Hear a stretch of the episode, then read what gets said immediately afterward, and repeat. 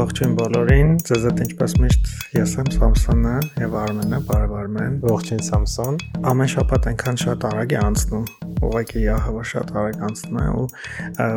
ամեն անգամ նոր ոդկաստ ցայնագրելուց ես հասկանում եմ, որ եւս մեկ շաբաթ անցավ ու մեր կյանքից անցավ այդ եւս մեկ շաբաթը ու հենց այս բարին էլ այդ բանը գալիս realization-ը գալիս։ Հա, իրոք շաբաթը շատ արագ է թռնում, իրադարձություններն էլ չասեմ մեր կյանքում ոնց են արագ թռնում, բայց ուզում եմ մեր ունգնդիրներին մի հատ հետաքրքիր բան ասել։ Մենք ենք մոտ 5-10 րոպե միջև սկսել այս մեր ոդքասթը մտածում ենք թե ոնց ողջունենք ձեզ, որովհետև ամեն անգամ երբ որ ասում ենք ես Սամսոնն եմ կամ ես Արմենն եմ, մի տեսակ խնդալու ալնում ու տենց էլ վերջում ոչ մի արդյունքի չանգակ եւ նույն ձևով էլի բացումն արեցինք։ Մենք հուսով ենք որ դուք պես արդեն ճանաչում եք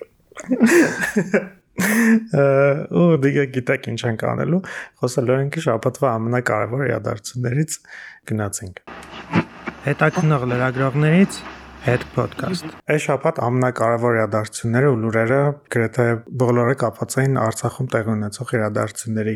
հետ։ Դրա համար հենց հիմնականում խոսենք Արցախում ու մասնավորապես Լաչինի միջանցքում տեղի ունեցող ընդհանրապես Հայաստան-Ադրբեջան բանակցություններից, գործընթացներից, սկսենք նրանից, որ Արցախում տեղակայված ռուսաստանցի խաղապահների հրամանատար գեներալ-մայոր Անդրեյ Վոլկովը շաբաթվա սկզբին Ադրբեջանի հանրային հերոստատեսությամբ հերարցակված հարցազրույցում հայտարարել էր, որ մեջբերում եմ Լեռնային Ղարաբաղը Հայաստանին կապող ճանապարհի վրա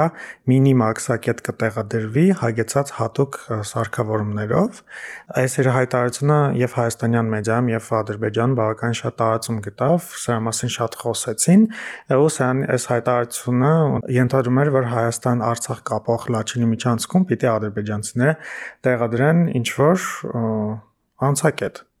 Բնականաբար նման բան որևէ համաձայնագրում նոյեմբերինի համաձայնագրում չկար, որևէ պայմանավորվածություն նման հարցով չկար, ինչի պատճառով էլ շատ մեծ արձագանք ստացավ այս իր հայտարարությունը, նույնիսկ այն կարգի, որ մի քանի օր անց Արցախի ԱԱՑ-ն հերքեց Հայաստանի հետ կապող միջանցքում ադրբեջանական հնակետ տեղադրելու մասին էս լուրերը եւ Պաշտոնական Ստեփանակերտը հայտնեց, որ հարցի շուրջ քննարկում է կազմակերպել կազմակերպվել Վոլկովի հետ, որի ընթացքում մեջբերում եմ վերջինս հայտարարել է, որ միջանցքում հենակետ չի լինելու, այն ադրբեջանցիների կողմից չի վերահսկվելու եւ միջանցքում խաղապարների տեղակայման վայրերում ադրբեջանցիներ չեն լինելու։ Այսինքն Վոլկովի մի հայտարարություն արեց, հետո հերքեց իր այդ հայտարարությունը եւ Պարզվեց, որ իրականում այդ ոչ թե անցակետ է լինելու, այլ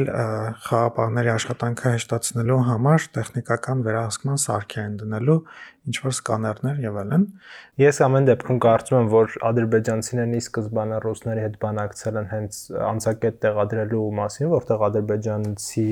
ինչքան մաքսավորներ կլինեն, թե ովքեր կլինեն, սահմանապահներ կլինեն, բայց հետո երևի եկել են կոմպրոմիսի, որ ավելի լավ է եկեք ինչ որ մի հատ սարք դնենք, որը կարողանա վերահսկողություն անել։ Ենթադրաբար ադրբեջանցիները մտածում են, որ Լաչինի միջանցքով հայերը կամ չգիտեմ մյուսները զենք են տանում դեպի Արցախ, եւ սա է պատճառը, որ նրանք այդտեղ ինչ որ մտահոգություն են հայտնում ամեն դեպքում սա իրենք որպես պաշտոնական վարկած են առաջ քաշում, բայց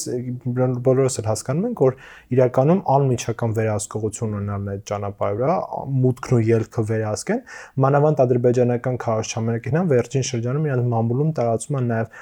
լուրեր, որ իբր մեծ թվականակով պարսիկներ, իրանցիներ, իրենք անհատում են Լաչինի սահմանը եւ Հալաչինի միջանցքը եւ դրանով գնում են Արցախ, ինչ որ չգիտեմ, այնտեղ շինարարություն անելու կամ ըստ ինչպես իրենք են պնդում հակաադրբեջանական ինչ որ գործողություններ իրականացնելու համար։ Սա եւս ինչ որ տեղեկատվական sense աղբ է, որ իրանք անընդհատ իրենց մամուլով շրջանառում են։ Ա, ամեն դեպքում կարծում եմ որ ռուսներն ու ադրբեջանցիները պայմանավորվածություն են ձեռք բերել այդ տեղադրել ինչ որ սարք, որի ինձ թվում է ստուգման այդ արդյունքներին ադրբեջանցիներն ուղղակիորեն հասանելիություն կունենան, ռուսներն դա կկիսվեն նրանց հետ։ Ինչ որ չափով գոնե իրենք կկարողանան հասկանալ, թե ինչ շարժա լինում դեպի Արցախ։ Իհարկե անօթաչություններով ստուգում են, բայց անօթաչությունները բնականաբար մեքենաների մեջ չեն կարող ստուգեն, էլի։ Ահա շարունակելով ռուս-ադրբեջանական, այսպես ասած, հողի վրա բանակցություններն Արցախում, այս վերջին շաբաթը շատ ակտիվ էր այդ տեսանկյունից, ադրբեջանցիները փորձեցին երկրորդ անգամ, այսպես ասած, քայլ կատարել, հասկանալով, որ ռուսները բավականին այստեղ զիջում են, իսկ ռուսական խաղապահ անձնակազմների ներկայիս հրամանատարությունը շատ աչքի չեն ընկնում ադրբեջանցիներին հակաճառումով որոշեցին երկրորդ անգամ քայլ անել եւ ինչ որ բաներ փոկել այս անգամ այսպես կոչված ադրբեջանցի էկոակտիվիստները, որոնք ներկայացնում են իրենց բնապահպանության նախարարությունը, մի շարք այլ կազմակերպություններ եւ Azergold այդ պետական կոնցեռնը, Մենակ Ադրբեջանում տենց բան կարող է լինի, որ նախարարության կողմից ուղարկված ակտիվիստ, էկոակտիվիստ։ Իրենք տենց էին ասում, էկոակտիվիստների խումբը, որի մեջ մտնում են SSS մարտիկ եւ չկա այնտեղ ինչ որ sense բնապահպան, որը կարող է ինչ որ աչքի գնել ու մեկ էլ չկա ինչ որ Twitter-ում կամ բան, ու այս մարդը հաստատ բնապահպան է, էլի։ Եվ այս մարդիկ մեկ էլ բարձվեցին ադրբեջանցի զինվորականների ուղեկցությամբ դուրս եկան Շուշիից եւ իջան ու փակեցին Լաչինի միջանցքը։ Կա Արցախի տարածքում նրանք պնդում են, որ կան որոշ հանքեր, որոնք զբաղվում են օգտակար հանածոների արդյունահանմամբ, չգիտեմ այս բառը ինչքանով այս կոնտեքստում ճիշտ կիրառել, եւ իրենք պահանջում են, որ պետք է հանձնաժողով ձևավորվի, իրենք մոնիթորինգի ենթարկեն, թե ինչպես է ըստ իրենց պնդման, իրենց հողերի օգտակար հանածոներն օգտագործում եւ սենց իրենք որոշեցին փակել Լաչինի միջանցքը։ Եկան ռուսները ու պայմանավորվեցին, որ նրանց ներկայացուցիչների հետ Խոջալուի շտաբում, իսկ գիտեք, որ Խոջալում կամ Իվանյանում տեղակայված է ռուսական խաղապահ առաքելության շտաբը, Եվ իրենք այդ շտաբում հանդիպում ունեցան ադրբեջանցիները, ապա գործակալությունը ադրբեջանական լուսանկարներ հրապարակել, որտեղ երևում էր թե ինչպես այդ չենքից դուրս գալիս նաև Վիտալի Բալասանյանն, ով գիտեք որ զբաղեցնում է Արցախի անվտանգության խորհրդի քարտուղար պաշտոնը, հետեւաբար Արցախյան կոմը եւս մասնակցել է այս քննարկմանը։ Հետագայում իհարկե Արցախյան կոմը նաեւ պաշտոնապես հաստատեց այդ հանգամանքը։ Ադրբեջանցիները երբ որ դուրս եկան, իրենք հայտարարեցին, որ ինչ որ չափով տեղ են հասցրել իրենց մտահոգությունները եւ այսպես բլա բլա բլա ու որևէ բան չկա, տենց խելոք հավաքվեցին եւ գնացին Շուշի Իսկ այդ ընթացքում ադրբեջանցի լրագրողները, ովքեր երբեմն մոռանում էին, որ իրենց գործը զուտ միայն լուսաբանելն է, փորձեցին միկրոֆոններով հարցակվել միկրոֆոններով եւ բաներով հարցակվել բանակցությունների այդ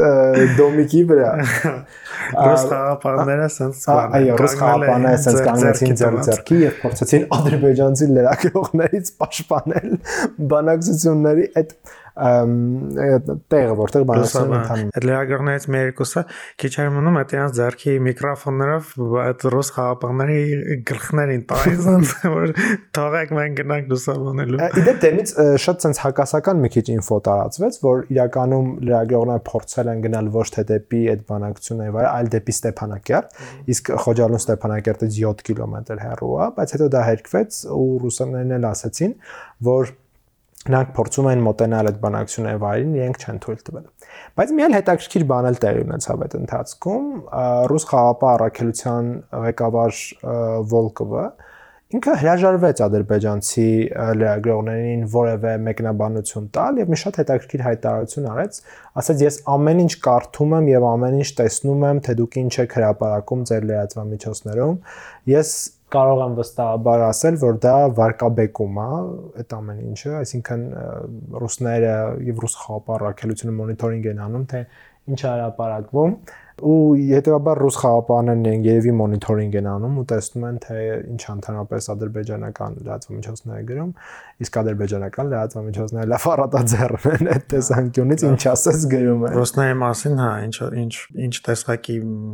եւ թե հայանքի հետ արդեն որ սահմանը չգիտես հայանքը թե ինչ է ինչ ասես գրում են ռուսների մասին Իդեպ այս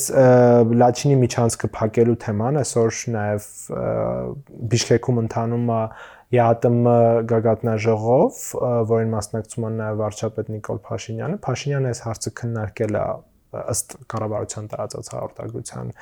Ռուսաստանի նախագահ Վլադիմիր Պուտինի հետ եւ ասել, որ սա շատ մտահոգիչ է։ Իդեպ այս մարտավարությունը ադրբեջանցիների նոր է միջև էս իրանք էս փողոց փակել կամ չգիտեմ ճանապարհ փակել, գալ ինչ որ էկո խնդիրներից, անգամ էկոցիդի մասին են էս վերջերս սկսել խոսել, բան սա նոր մարտավարություն է, որ միջև այս իրանք չեն իրականացնում։ Իրենք միջև այդ գերի տանելու պրակտիկայով էին զբաղված, գալիս էին ինչ որ մի գյուղում նստում էին, ռուս խաղապարները խելոք հետ էին քաշվում, եւ այդ գյուղն անցնում էր իրանք տիրապետության տակ։ Հիմա սա նոր, այսպես ասած, soft power-ը, որը սկսել են իրանք կիրառել, գալիս Լաչինի միջանցք են փակում։ Ադրբեջանի կառավարությունը ընդհանրապես Ալիևի ղեկավարած այդ ամբողջ համակարգը ընդհանրապես էկո որևէ հարցի մասով իրավունք չունի ընդհանրապես խոսելու, որովհետև այդ տարածքները հետ վերցնելուց հետո մանավանդ հարավային մասերում, այնտեղ իշխանաձոր բան այդ կողմերում, իրենք արդեն մի քանի անգլիական ընկերությունների հանքարդյունաբերության համար լիցենզիաներ են տվել, նույնիսկ շատ արագ էլ են 2020 թվականի վերջերում, այսինքն դա անվանելով Ղարաբաղի վերականգնում։ Այո, նենց որ միանգամից այդ հողերա իրանց համար էլի ազատագրած ճակերտների մեջ ազատագրած ու միանգամից հանքարդյունաբերության համար վարձակալությամբ տված իշխանությունը հիմա մտահոգված հայեկո համակարգով Մենք բարբերաբար մեր էպիզոդներում խոսել ենք Հայաստան-Ադրբեջան խաղաղության պայմանագրի ու միշտ լուսաբանել ենք հայ-ադրբեջանական բանակցությունները եւ այսօր նույնպես կուզենք դրա մասին մի փոքր խոսել մասնավորապես ասել, որ անվտանգության խորհրդի քարտուղար Արմեն Գրիգորյանը ինչ է ասել, խոսելով Հայաստան-Ադրբեջան խաղաղության պայմանագրի մասին, նա ասել է. «Մեջբերում եմ, տեքստի վրա շարունակում ենք աշխատել եւ մեր կողմից խմբագրված տարբերակը շուտով կփոխանցվի Ադրբեջանին»։ Նա նաեւ ընդգծել է, որ հայկական կողմն իր բոլոր ջանքերը կներդնի, որպեսզի մինչև տարվա վերջ խաղաղության պայմանագիրը ստորագրվի։ Նաեւ անդրադառնալով Ղարաբաղի վերջնական կարգավիճակին, նա միայն ասել է, որ դեռևս վերջնական որոշում չկա խաղաղության պայմանագրով Լեռնային Ղարաբաղի հարցը լուծվելու, այստեղ խոսքը վերջնական ստատուսի մասին է, թե առանձին միջազգային մեխանիզմ է ստեղծվելու, այս հայտարարությունից մի քանի օր առաջ էլ նա ասել էր, որ առայժմ կա այս խաղաղության պայմանագրի երկու տարբերակ՝ ռուսական եւ ադրբեջանականը եւ հայկականը հայկականի վրա հիմա նրանք աշխատում են փաստորեն եւ շուտով կփոխանցեն ռուսական եւ ադրբեջանական կողմին կարելի է ընդհանրեն այսպես ակտիվորեն աշխատում են Հայաստան-Ադրբեջան խաղաղության պայմանագրի վերաբերյալ նաև մի կարևոր բան նշենք, որ ավելի վաղ Արցախի ԱԳՆ-ն հայտարարություններ տարածել ու նշել էր, որ Հայաստանի եւ Ադրբեջանի միջև հարաբերությունները կարգավորումը, այդ թվում նաև սահմանների հարցի լուծումը չի կարող եւ չպետք է կապված լինի Արցախի հանրապետության կարգավիճակի հետ։ Այստեղ նաև պետք է նշենք Ռուբեն Վարդանյանի Արցախի պետական նախարար Ռուբեն Վարդանյանի վերջին հայտարարությունը նա ասել է, որ խաղաղության հաստատման հնարավորությունը միայն արցախցիների ուժի եւ համախմբվածության մեջ է։ Մեջբերում եմ ոչ մի պայմանագիր չի կարող լուծել այդ հարցը, քանի որ ունենք հարևան պետություն, որը չի ուզում, որ մենք այստեղ ապրենք։ Մենք պետք է դառնանք ուժեղ, համախմբված, որպեսզի իրենք չկարողանան հարցը լուծել մեզ համար անընդունելի եղանակով։ Մեջբերման ավարտ, այսպես ստաց ասում է, որ Արցախի կողմը, հա, պնդում է, որ Հայաստան-Ադրբեջան հարաբերությունների կարգավորումը եւ խաղաղության պայմանագիրը չպետք է որևէ ձևով ազդի Արցախի վերջնական ստատուսի վրա։ Այսինքն չպիտի լինի Արցախի ստատուսից հրաժարվելու հաշվին, հա, կարող ենք այսպես բնութագրել։ Նաև սրա մասին խոսեց Արցախի նախագահ Արայք Հարությունյանը Ֆրանս 24-ի հարցազրույցի ժամանակ հիմնական կետերը մեր կայքում կա, կարող եք մտնել, կարդալ, բայց եթե ընդհանրացնենք կարող ենք ասել, որ նա հիմնականում խոսում էր արցախցիների անվտանգության եւ ինքնորոշման իրավունքի պաշտպանելու մասին։ Նաեւ ինչպես Արմենը ասաց, Փաշինյանը այսօր Բիշկեկում է հանդիպել է Պուտինին ու հանդիպման սկզբին էլ ինչպես գրեցին, ինչպես գրում էին մամուլում, նա առաջարկել է խոսել լարվածության մասին Լեռնային Ղարաբաղում, մասնապես այն տարածքներում, որտեղ որ տեղակայված են ռուս խաղապահները, այսինքն խոսքը գնում է Լաչինի միջանցքի մասին, ու այս մեր վերջի ասած իրադարձությունների վերաբերյալ էր ասում Փաշինյանը Պուտինի հետ հանդիպման ժամանակ։ Իդեպ հա այսօր Արմեն Գրիգորյանը նաև եւս մեկ հետաքրքիր հայտարարություն արեց կապված խաղաղության պայմանագրի տարբերակների հետ ոնց հասկանում ենք միակ կետը, որի եւ դա պնդում է նաեւ Արմեն Գրիգորյանը, որի շուրջ որը ներառված է բոլոր տիպի, այսպես ասած, առաջարկներում, դա հայ-ադրբեջանական դիվանագիտական հարաբերությունների հաստատումն է ու Արմեն Գրիգորյանն էլ այսօր փաստած, որ կողմերը միայն այս կետի շուրջ են համաձայնություն ձեռք բերել։ Իսկ երկու երկրները կունենան իրար հետ դիվանագիտական հարաբերություն։ Դա չի նշանակում, որ երկու երկրները պարտադիր պետքա դեսպաններ ունենան այլ միայն դիվանագիտական հարաբերություններ, որ հնարավորություն տալիս ինչ որ ընթացակարգեր, այսպես ասած, ապահովել իրականացնել։ Մնացած հարցերի շուրջ կողմերը ըստ Արմեն Գրիգորյանի որևէ պայմանավորվածություն կամ որևէ փոխհմբռնում չունեն։ Հավանաբար խոսքը այստեղ ինչ որ գրավոր երաշխիքների մասին է, որ ադրբեջանական կողմը պարտավորվում է, չգիտեմ, ապահովել իհարկե Ադրբեջանը պետք է պնդի, որ իրանք իմ քաղաքացիներն են եւ իրանք հավասար են մյուս քաղաքացիներն, բայց դա բոլորս էլ հասկանում ենք, որ մի քիչ հեքիաթի ժանրից է։ Հա, հին հին ընդունված իրանք բլա բլա բլա հեքիաթը։ Ճիշտ է, մեր ոդքասթը երկուշաբթի օրն է հրապարակվում, բայց մենք մեր ձայնագրումն անում ենք ուրբաթ օրը եւ չգիտենք թե ով է հաղթելու Եվրատեսիլում, որ մանկական Եվրատեսիլի մասին է խոսքը, որ այս տարի առաջիկա Կիրակի օրը տեղի ունենալու Երևանում, դուք հավանաբար երբ որ մեր ոդքասթը լսեք, կխնդակ մեր վրա, կասեք մենք իսկ մենք արդեն գիտենք թե ով է հաղթողն եղել։ Ես ենթադրում եմ, որ դա Ուկրաինան է առնելու, թե արդյոք ես ճիշտ եմ, դուք արդեն գիտեք դրա մասին։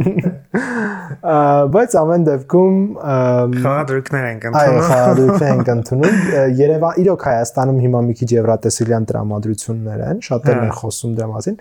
իդեպ ես բեմի կադրերը նայեցի, շատ թույն բեմ էին արել, բայց այնքան sense բանի sense ակտիվորեն sense հիմեկն է PR-ը անում sense բան ոնց որ sense մեծերի եվրատեսիլն է ու մասնակցում ասենք չեմ 40 պլյուս երկիր ինչպես օրինակ սովորաբար լինում է ընդամենը 16 երկիր է մասնակցում այն էլ երեխեքի իհարկե շատ է լավա որ տենց միջոցառում կա ինչ որ մարդիկ ուրախանում են գոնե առօրյա այդ հոգսերից մի քիչ մոռանում են սա օգնում է Բայց ամեն դեպքում Եվրատեսիլը մնում է Եվրատեսիլ եւ ինքը տենց ավելի շատ leisure-ի համար է, էլի, եւ իրանից մեծ բան ինչ վրականկալել կամ սпасել պետք չի։ Մանավանդ օրինակ չեմ բանի տեսանկյունից, Հայաստանի PR-ի տեսանկյունից, էլի Եվրատեսիլը գոնե մանկական է այդ այն հարթակը չի էլի, որ չգիտեմ, ապահովի Հայաստանի PR, բայց ամեն դեպքում ուրախ ենք, որ դա Հայաստանում անցնում։ Հուսանք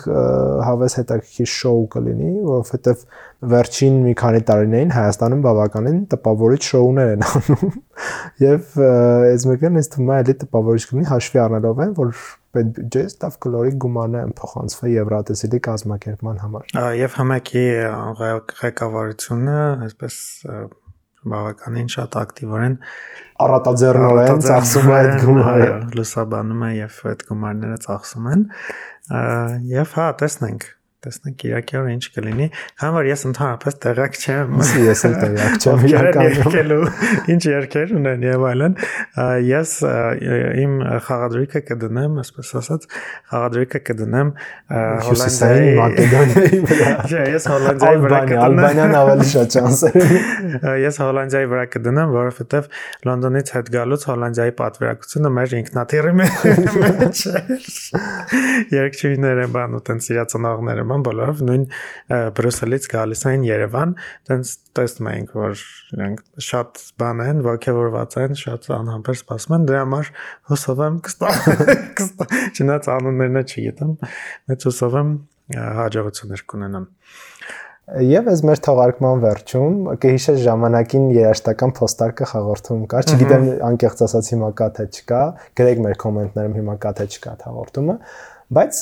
կհիշեք բոլորը ողջունում էին իրենց բարեկամներին, ողջունում էին իրենց ընկերներին, հարազատներին, ինչ որ երկեր էին պատվիրում։ Մենք ուզում ենք ողջունել Լոնդոնում բնակվող մեր ունկնդիրներից մեկին, որն իմանալով, որ կողքի սրճարանում Samsung-ով այդ պահին գտնվում է Լոնդոնում, նախաճաշում է ինքը սկզբից ուզեցել է մտնի ողջունի եւ ասի որ ինքը լսում է մեր ոդքասթը, բայց չգիտեմ ինչու ամաչել է։